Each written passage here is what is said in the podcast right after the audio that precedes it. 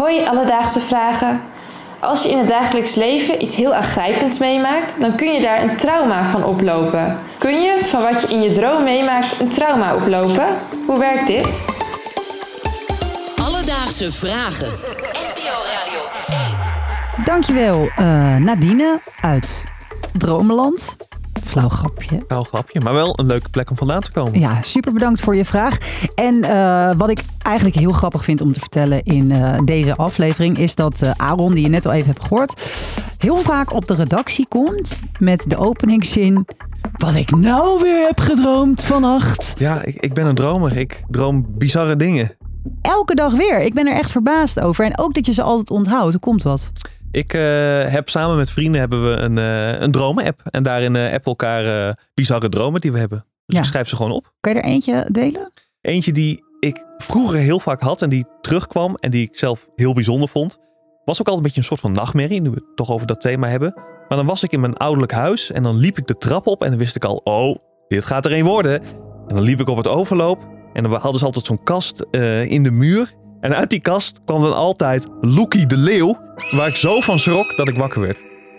Hoe oud was je? Uh, onder de tien. Oké, okay, nou, we gaan nu door. niet meer.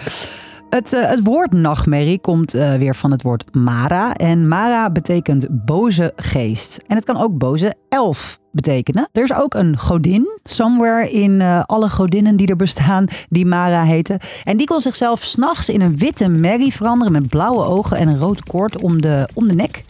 Best wel eng als je erover ja. nadenkt. Ja, en zoals je weet, het komt in superveel verhalen voor, hè? nachtmerries. Bij folklore, bij saga's, op schilderijen, in kunst, verzin het. Dus het is een uh, populair thema. Een beetje extra achtergrondinfo Dankjewel. over het woord. Dat gevoel dat je nachtmerrie hebt en een paar uur later nog van slag bent. Dat je denkt, nou, dit was een pittige. Ik voel me nog steeds niet helemaal lekker. Hebben meerdere mensen. Aaron, ik weet van jou dat jij dat niet echt heel erg hebt. Nee, ik kan me verwonderen over mijn dromen. Daarna val ik meestal weer in slaap. Oh ja, nee, ik kan, heb dat dus wel. Dat ik echt een paar uur uh, van, uh, van de leg kan zijn. Maar of je er nou echt een trauma van kan krijgen, vind ik best wel een interessante vraag.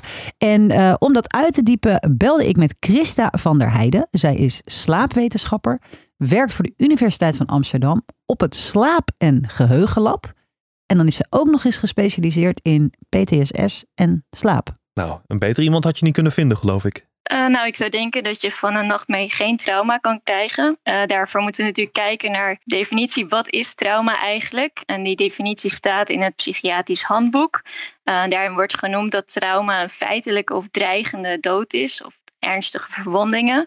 En vaak wordt er dan ook een checklist gebruikt met bepaalde gebeurtenissen. Bijvoorbeeld heb je een natuurramp meegemaakt of een overval. En dat zijn in principe wel gebeurtenissen die gebaseerd zijn op het wakkere leven. Toch ook nog even terugkomen op hetgeen wat ik net zei. Want je kan soms wel degelijk van slag zijn, echt een paar uur door wat je gedroomd hebt. Je helemaal kapot schrikken. En ik vroeg natuurlijk ook aan Christa hoe dat dan in elkaar zit. Ja, zeker. Ja, het klopt inderdaad dat je heel heftige emoties hebt. En dat heeft ook te maken met hoe je brein werkt terwijl je slaapt.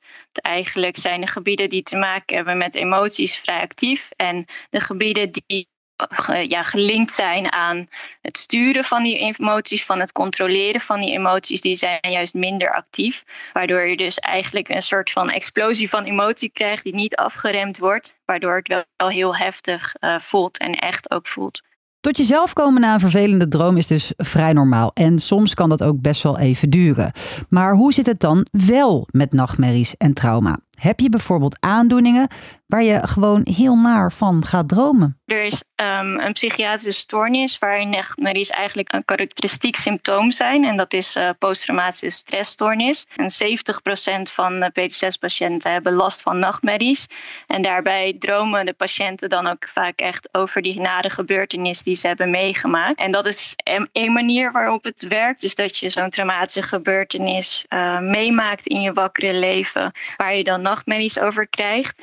Uh, maar we denken dat dat ook weer een andere kant de invloed op heeft. Dus als je uh, nachtmerries hebt, dan slaap je vaak slechter. Het duurt langer voordat je opnieuw in slaap valt.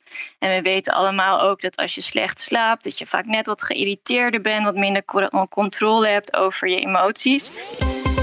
Alledaagse vragen. De hamvraag na dit hele verhaal is misschien dus wel: hoe kom je van nachtmerries af?